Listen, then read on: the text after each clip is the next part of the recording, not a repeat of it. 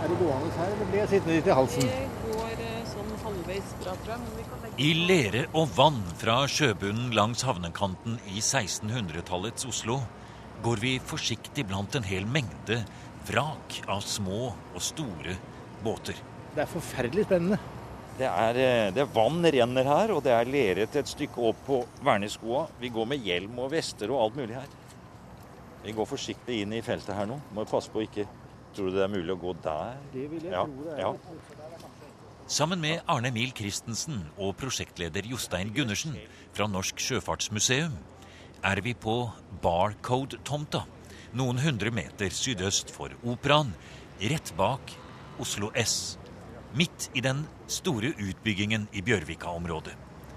I tre-fire konsentrerte funnsteder har arkeologene funnet minst tolv båter foreløpig. Og vannsprederne går for fullt for å holde de svartbrune eke- og furuplankene fuktige. Ja, nå har jo båten ligget godt bevart i fuktige leire i 400 år. Og nå, så fort vi graver opp nå vi slipper til oksygen og luft, så Starter. starter nedbryting veldig raskt. Så nå er det om å gjøre å holde det vått hele tida, sånn at vi bevarer den tilstanden de er i lengst mulig før vi får det inn og under mer kontrollerte forhold. Dette har ligget under tre-fire meter, meter med leire. Nå står vi på ca. minus 1,5 meter. Så uten kraftig pumpe sånn, så kommer vannet opp gjennom grunnen her fra sjøen. Så eh, Opprinnelig har bakken her nå før vi begynte å grave ligget på pluss 2, 2,5. Så vi har gravd oss en 3,5-4 meter ned. Hvor langt er vi fra strandlinjen her eh, nå? I dag så er det vel en eh, 150 meter til kaikanten nede i Bispevika. Men eh, helt Når disse båtene kom inn her, så kom jo de på vann. De. Disse har eh, flytt, disse har ikke blitt båret langt inn på land, nei. Disse har flytt inn, og helt fram til midten av 1800-tallet så var dette åpen sjø. Det var eh, en del av havna, rett og slett. Så det ble fylt ut i forbindelse med jernbanebygging og industribygging her. Det er utrolig flott å se alle disse restene av skip som ligger rundt oss her. Vi bare snur blikket litt, og så kommer det fram nye, store Altså, det ligger båter én, to, tre, fire, fem Bare som en kan se eh, rundt her. Og så snur vi oss den veien, og her Ja. Dere finner faktisk nye ting hele tiden. Før så telte vi de hele båtene. Da har vi ni. Men vi har jo både kjøl og stevn og flere bordganger fra i hvert fall tre andre båter. Og en del løsdeler i tillegg, så vi tolv er vel et godt tall, tror jeg. Tolv båter. Det vi ser som ligger her, den er jo, der er det jo veldig mye igjen. Vi ser hele bunnen. Den ligger jo på en måte flatt ut. Spantene er brekt ned. Men vi ser jo at det er mange bordganger igjen her. Ja, det er noe av det som gjør dette veldig spesielt, syns vi. At vi har, vi har bevart fra baut til akter, og vi har bevart samtlige bordganger. Nå er det ikke alle som ligger her i dag. Vi har allerede tatt ut en god del. Eh, Men vi ser de andre båtene her også, har vi bevart helt opp til Esingen. Så vi har alt som skal til for å kunne gjøre en komplett rekonstruksjon av disse her, med alle elementene. altså, Fra, Er det du sier? En komplett eh, rekonstruksjon? ja, det mener jeg vi har mulighet til her. Når vi har bauta akter, vi har samtlige bordganger på minst én side på alle båter. Vi har alle bandene som skal være her. Det har vært en Så har jo første bordgang stått nesten loddrett. Og da får du et tillegg til kjøleskjerpen som eh, kan være nokså viktig når du seiler. Hele utgravningsområdet er rammet inn av høye sponsvegger i jern. Pumpene går, og det er liten tvil om at vi beveger oss på gammel sjøbunn i Oslo havn. Ikke minst ser vi at rester etter flisavfall fra Oslos gamle sagbruksindustri ligger mellom de mange båtene. Det er jo det økonomiske grunnlaget for hele Oslo. altså det her eh, Ja. trelasthandelen og treindustrien. Så Det, har vel flytt nedover med sagene, eller fra sagene oppover elva og i hele området her. Altså. Det er jo Treflis er overalt her. Både den her grove hoggflisa som vi har her, og Ja. mer etter hvert flis fra oppgangssag og sånn eh, sagflis. finner på en måte de siste 400 årene av eh, hovedstadens historie her. Ja, hovedstaden lå jo 600 år på østsida av Bjørvika og bare 350-400 år på vestsida. Det er jo dette som er det gamle Oslo. Det var kanskje på en måte bra at sentrum ble flyttet bort på den andre siden, for da ble ikke dette byggegrunn på samme måte, og dermed så finner dere det dere finner. Ja, det tror jeg er et viktig poeng. Altså at hvis byen hadde blitt liggende her og dette området har fått utvikle seg etter 1624 og bybrannen, da, så ville ikke dette vært bevart i samme grad. Det er helt klart. Dette har blitt liggende fordi det har ligget brakk. og når kong Kristian flytta byen, så protesterte borgerne. De ville være her. De ville være i øst, der hvor de hadde bryggene sine. og Selv om byen brant, så kunne de jo fortsatt holde til her. Og de gikk jo inn på en avtale, eller ønska å gå inn på en avtale hvor de skulle brenne byen hvis svenskene angrep nok, eller angrep en gang. Så det var store protester den gangen. Men vi skal være veldig glad for det sånn i forhold til det vi finner. altså. Til å være en kjøl så er den uh, litt lurvete i fasongen, men uh, det kan jo bare bety at uh, akkurat den båtbyggeren ville ha det sånn. Hvis du har bordgangen som sitter på den, så skal jeg være helt enig i at det er en, det er en. Så har vi jo lasken. Jeg gir meg øyeblikkelig. Det der er en kjøl. Ja, det kan ikke være noe annet. Nei da. Så du har, du har litt Har du litt av stevnen liggende der med et brudd, og så er den havnet Nei, stevnen har, her har du fjerne lasken på stevnen. Stevnen er ja, Hva er det du har liggende i forkant av kjøl da? Det tror jeg er en bordgang. Det er en bordgang som er sluppet på.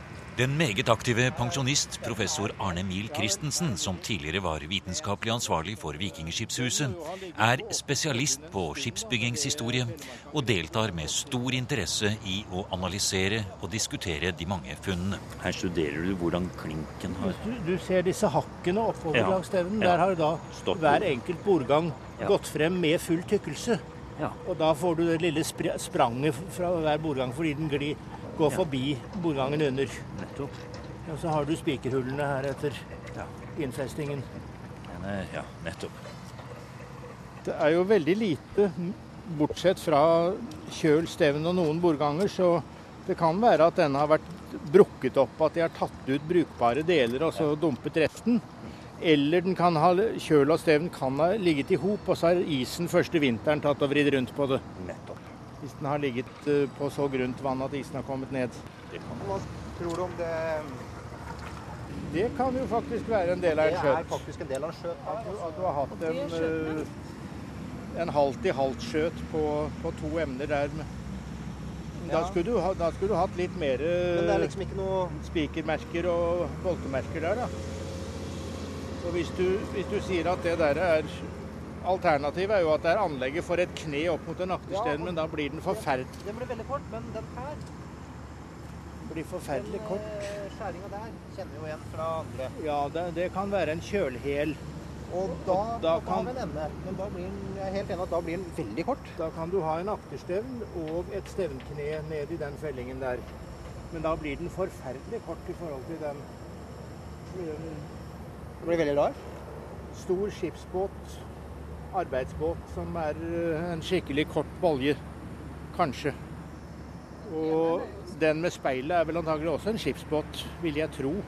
Eller små fraktebåter. Hvis du er på sen 1500-tall, så kan jo dette her være rester av den store sildefiskeperioden, hvor de må ha hatt en, et tonnasjebehov som var helt hinsides hva du vanligvis trenger. Da, da var jo Bohuslän var jo det store fiskeområdet, men det ble fisket sild hele Oslofjorden inn. Men eh, mesteparten av kildene er i Bohuslän fordi skatteoppkreveren på kongens vegne, han satt i Marstrand. Så veldig mye av kildene går dit, da. Men uh, hvis du plutselig får sild i enorme mengder, så trenger du jo flere og robustere båter enn du har hatt tidligere. Både til frakting og til selve fisket.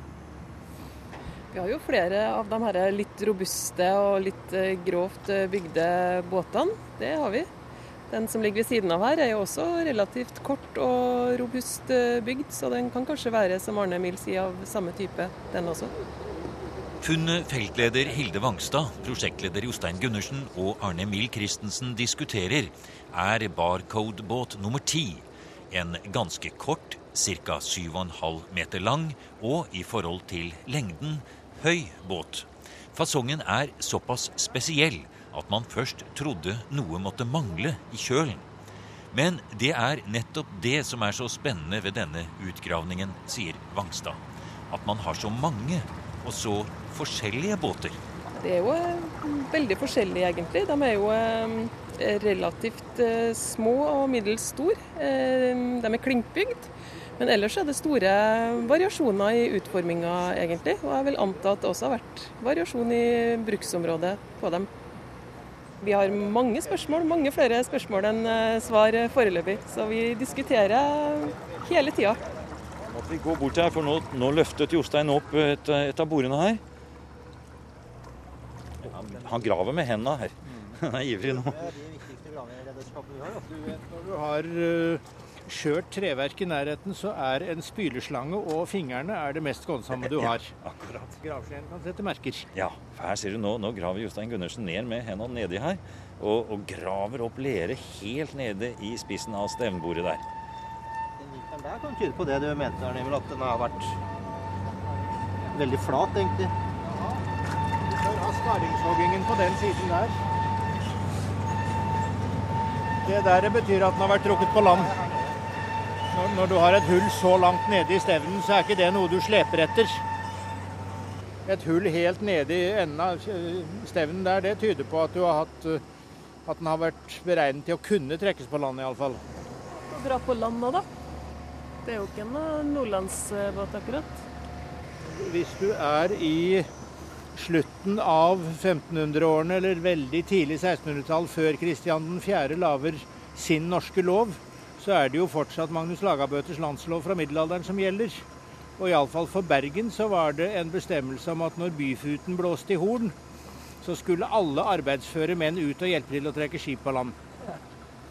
Om det har vært tilsvarende regler i Oslo, det, det vet vi ikke. Men det har vært en øh, ganske sikkert vært et, øh, et fellesforetagende der når du skulle ha en båt på land, så stilte folk opp og dro. En av de tingene du trenger en veldig robust skipsbåt til, er jo å føre ut et anker fra et stort skip. Hvis du ligger i vindstille og er nødt til å varpe deg ut med et anker, så skal du ha en båt som tåler vekten av ankeret til du ror det ut noen hundre meter og slipper det. Så store barkasser, eller hva de nå har hett for noe, eller små fraktefartøyer i forbindelse med sildefiske. Ja. Og et av problemene med dette voldsomme sildefisket var jo at de Salt var dyrt, og de hadde vanskeligheter med å skaffe salt, slik at veldig mye av silda, iallfall i Bohuslän, den ble brukt til uh, trankoking. Sånn at uh, tran til tranlamper var uh, nesten hovedproduktet i Bohuslän, og så da en del salta sild til konsum. Det, høres ut som en ganske spennende forklaring dette her, Jostein, eller hva sier du? Jo, det, det, er så mange mulige forklaringer at alle forslag tas imot med takk. og det det er jo også det at vi, vi, har jo så mange båter at det er selvfølgelig forskjellige forklaringer for hver båt her, tror jeg. Så jeg, vi har et mangfold av, uh, av, ting som har skjedd i havna når vi har så mange båter. Dette er arbeidsjerna i Oslo havn. Altså. Dette er det dagligdagse, de som har drevet ting rundt. Det er ikke noe konge eller adel her. Her er det arbeidshestene som ligger igjen. Det er mye mer spennende, syns jeg. Da. Det er jo mye morsommere å finne dette som er, representerer daglig som skjer i havna her. Så det er morsomme funn. og det bryter jo med alt vi på en måte Jeg er vant med at det skal være så fint og status og forseggjort, men dette er klampa sammen fort og gæli. Vi går forsiktig mellom alle de forskjellige båtene som ligger her. Her kommer vannet mot oss, ja. Nå står vi akkurat på kant. Å, se her! Hva er det som ligger her? Det er eh, et helt komplett akterspeil fra båt nummer én, den som uh, ligger igjen her borte som vi holder på å demontere nå. Dette er, i hvert fall så vidt meg kjent aldri vært funnet før i Norge i denne formen. Altså. Det er veldig morsomt funn. Hvis du skulle beskrive litt hvordan det ser ut her, for eh, det, det, er jo ikke så veldig stort, men det er veldig forseggjort. Ja, hva skal vi si. Det, det, ser nesten ut som en sånn Y-form, hvor du har du har selve akterstevnen stående rett opp, og så har du en utsving halvveis opp på den til begge sider. Hvor du har fått et helt flatt, lite akterspeil. Det er veldig smalt og lite, som du sier. og Det, det, det gjør at den båten her får en veldig spesiell form. Ja. Og Det er jo en av grunnene til at vi lurer på om det kan være en sånn skipsbåt som skiller seg fra den tradisjonelle nordiske typen. Da. Og Det ligger jo sammen da Det er jo så mange båter som ligger her. og det, det, det overrasker meg jo selvfølgelig veldig at det er så tett. Det ligger altså i hverandre, båter oppå hverandre ved siden av hverandre. Har de blitt senket ned her, eller hvordan kan de ligge så tett? Altså? ser litt bak der, så ligger det jo ikke de ligger ikke bare, Båtene ligger ikke bare tett, men du ser også at det ligger tømmerstokker lagt over båtene. Nå er det jo dekket en del her, men den tømmerstokken her ligger over den ene båten. Tvers over. Og Det samme har vi hatt over den båt nummer fire som ligger der borte. Vi har hatt to tømmerstokker som har gått tvers over. Og Det er jo en konstruksjon som er bygd her. Og det er i hvert fall lett å prøve å sette båtene i sammenheng med det. At båtene kanskje er slept inn her når de har vært utrangerte eller gamle, og brukt som et slags fundament eller underlag til det som er lagt oppå. Rett og slett i forbindelse med utfylling av eksisterende havneanlegg, bygging av en ny kai, et eller annet sånne ting? Ja, vi har ikke helt klart å tolke oss ferdig på hva, hva dette anlegget egentlig representerer. Og vi har fått en uh, mulig veldig spennende datering på det til, helt tilbake til 1599. Og hvis det stemmer, så er jo båten eldre enn det. Det ligger jo fysisk under anlegget her. Og dette er lagt oppå, så det er helt uh, veldig spennende funnsituasjonen der. Altså. En ting som jeg syns er veldig spennende her, det er jo at eh, de stemmer ikke med boka på et nokså viktig punkt når det gjelder østnorsk båtbygging. Fordi vi tror jo at eh, det du kan kalle vikingskipstradisjonen, den blir svekket i Øst-Norge en gang på 1500-1600-tallet, og så får du det store skillet mellom øst- og vestnorsk båtbygging som har vært frem til i dag. Og da er eh, En av påstandene er da at østlendingene de bygger korte og breie båter. Det stemmer her. De bygger av eik. Det stemmer her. Men så bruker de trenagler istedenfor klinksaum til å holde bordgangene sammen. Og det stemmer ikke her. Så spørsmålet er da om vi er eh, en generasjon eller to før den overgangen. Og da begynner jeg som teknologihistoriker å bli veldig nysgjerrig. Ny båt, sier det? Der. Ja. Ja, Fredrikke står og graver den frem. Ja, da må vi gå ned og se, vet Ja, jeg, jeg er ikke overraska, men det passer litt dårlig. Vi har for mange. Det har altfor mange allerede, ja. Ja, Vi har jo lukta at det kom til å være noe her, for her har vi funnet Se, der løse springer båter. arkeologene eller, ned. eh, Ja. Funnet løse båter liggende i, når vi har gravd ned til det nivået her. Skal vi prøve å gå rundt den veien og ut der, kanskje? For det er jo gjørme til knea der det- arkeologene sprang ned. Ja, så- ja. det, er veldig, jo, det er litt fastere, men det er ganske bløtt. Ja. På land her inntil videre. Båt nummer 13, det er greit, det. Der ligger Ja, her står det fem-seks arkeologer rundt her. Helt nytt funn. Ja, var det, var det som fant dette, da? Var det dere? Ja. Jeg heter. Fredrikke. Fredrik Dahl Jensen, ja. Det var du som fant den eh, trekonstruksjonen der? Ja, det gjorde jeg. Ja. Hva tror du det ligger her, da? Jeg tror det er en bit av en båt. Båt nummer 13. Båt nummer 13 blir det, ja. Så vi har funnet noen bordganger, og der borte ligger det et bånd som sannsynligvis hører til. Eh, Så vi skal prøve å avgrense litt her nå. Er det litt av kjølstokken vi ser der, eller kan det være noe annet? Stikker opp Jeg er ikke helt sikker på det, ser du. Jeg er usikker på om det er sida eller, eller hva. Det er spennende da, å finne nummer 13. Ja, det Men, men nå er dere så blaserte at er 10, 12, 13 eller 9, det er ja, det ja, den første jeg funnet sjøl, så det var jo litt gøy. Skal jeg stikke litt på andre sida der, da? Kanskje? Ja, det, det stemmer eh, veldig bra med de løse båtene vi har funnet rundt her. Tror du det er eh, nummer 13? Ja, det passer veldig bra, det. Ja, vi har sett at det har vært flere løse båtdeler i dette området når vi har gravd ned til dette nivået, så det var bra. Ja. Hvordan går det borti Krittpipeland, da? Der er eh, slutten. Og skal dere bort dit òg? Kritt, krittpipeland, ja. Her lå det for eh, bare noen få dager siden så lå det flere hundre krittpiper over hele dette denne delen. Flere her. hundre? Flere hundre, og alle var helt nye, ubrukte. Så det har vært en last eller en ladning med krittpiper som har kommet. Og alle har samme produksjonsstempel og helt klart én enkel hendelse. Veldig, veldig spennende funn. Det, Det må være en båt som enten har sunket eller blitt senket, eller en last som har falt over bord, ja, eller eller at det, det har også vært sånn klare indikasjoner på at her har det vært noe brannskade og flere ting som har vært brent som ligger i samme område. Så det kan ha vært en en brann om bord, og så har man sett på dette som var igjen at dette var for dårlig til å kunne selge, og så har man bare kasta alt på sjøen.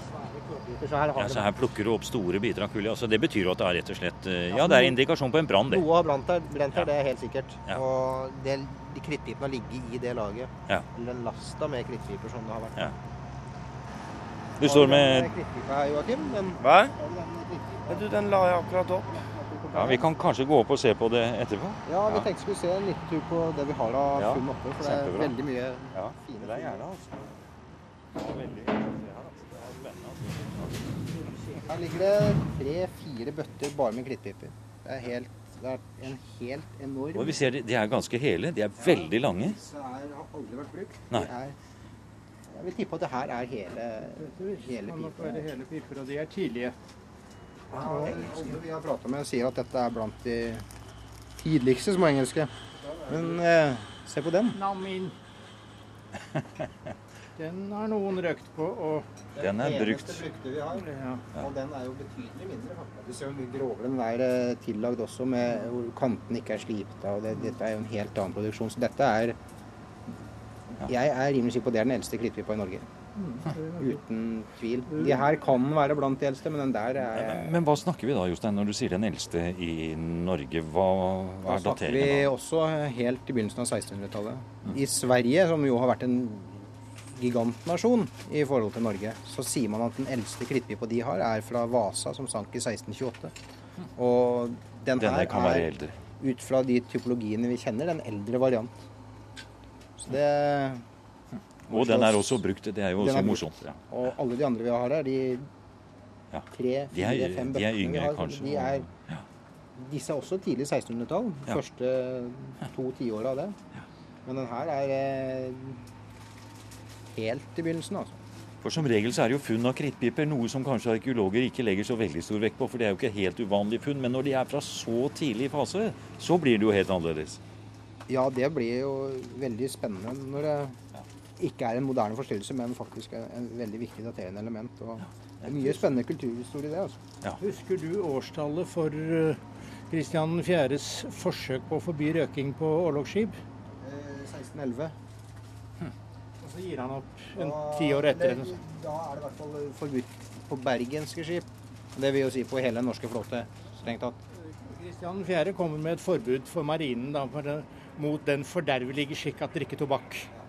Og det holder i en ti-tolv år, og så er han nødt til å oppheve forbudet fordi de greier ikke å effektuere det om bord. De de greier ikke å slutte. Nei. Og det er jo da Det, det var den første røkeloven din, da. Det er den første røkeloven, og den var mindre vellykket enn den nåværende, da. Vi hadde jo tilsvarende også i, i både England og Nederland og andre steder også, hvor etter at tudorene mistet regimet på tidlig 1600-tall, så kom vel James inn. Og han er er veldig motstander av røyking. Men samtidig så vil han ha koloniene. Han vil ha inntektene og Ja, Inntekten av tobakksproduksjon og og hele pakkene der. Men eh, han, han prøver også å komme med en del sånn negative greier rundt. Hilde, kan jeg få titte litt på de skoene du har der nå? Ja, Skal vi gå litt lenger innover i konteineren her? Å, se den er flott uh, lasert i, inni. Innvendig. Å, se på den! For en flott Det er et altså, keramikkar, dette her. Og det, det er en lys grønn farge. Veldig stor bit av et kar. Veldig mye flott keramikk var her. Og her tar du frem en krukke. Har du sett på maken? Det var veldig mye keramikk her, da. Veldig flott, da. Veldig fine funn. Hvis du ser på hele dette funnområdet her i, i Barcode-området, alle disse forskjellige typene funn som vi står midt blant her nå også, eh, hva, hva forteller det om eh, Oslo for 400 år siden? Det vi har funnet, gir oss en helt annen mulighet enn tidligere til å kle havna med mange forskjellige typer fartøyer. Jeg har liksom prøvd å sammenligne litt med at hvis arkeologer om 1000 år finner ett kjøretøy fra år 2008, så vil oppfattelsen av samfunnet være vesensforskjellig om man finner en Mercedes cabriolet eller en stor turistbuss. Og her nede har vi, vi har 12, da. nå har vi oppe i 13 forskjellige båter, og vi har mange typer båter. Så det er en kjempespennende funn i den sammenheng. Og så tror jeg nok eh, det vi også ser, at eh, de her mulige konstruksjonene utover i havna vil på en måte skape helt ny kunnskap og gi oss ny viten om hvor stor del av havneområdet som var tatt i bruk på tidlig 1600-tall. Så omfattende som vi nå begynner å se spor etter, det, det er ny kunnskap. Masse ny erkjennelse fra en periode hvor vi ellers vet forferdelig lite. Fordi det som har vært eh, publisert av skipsfunn, det har stort sett vært forhistorisk tid og middelalder. Med store, spektakulære funn som Roskilde f.eks. Og det er vel ingen som har gravet så mange fartøyer på ett sted siden Harald Åkerlund grov den gamle havnen i Kalmar i 1930-årene. Det er en periode hvor vi vet forferdelig lite, så fryktelig spennende. Og det, jo, har jo i hvert fall vært sånn i mange år at uh, middelalder og arkeologi og middelalder, det, der jobber vi mye. Og så faller det litt ut etter reformasjonen hva vi har jobba med. Og nå jobber vi med noe som er etter reformasjonen, men det er jo fortsatt en del av det gamle Oslo før, uh, før vi får Kristiania. Det er veldig fascinerende periode å jobbe med, syns jeg. Vi nå finner kanskje tettere enn det lille hullet da, som har vært litt i, eh, i historien om Oslo. Du har nå hørt programmet Museum som podkast fra NRK. Museum sendes i NRK P2 på lørdager og søndager. Du finner flere programmer på nrk.no podkast.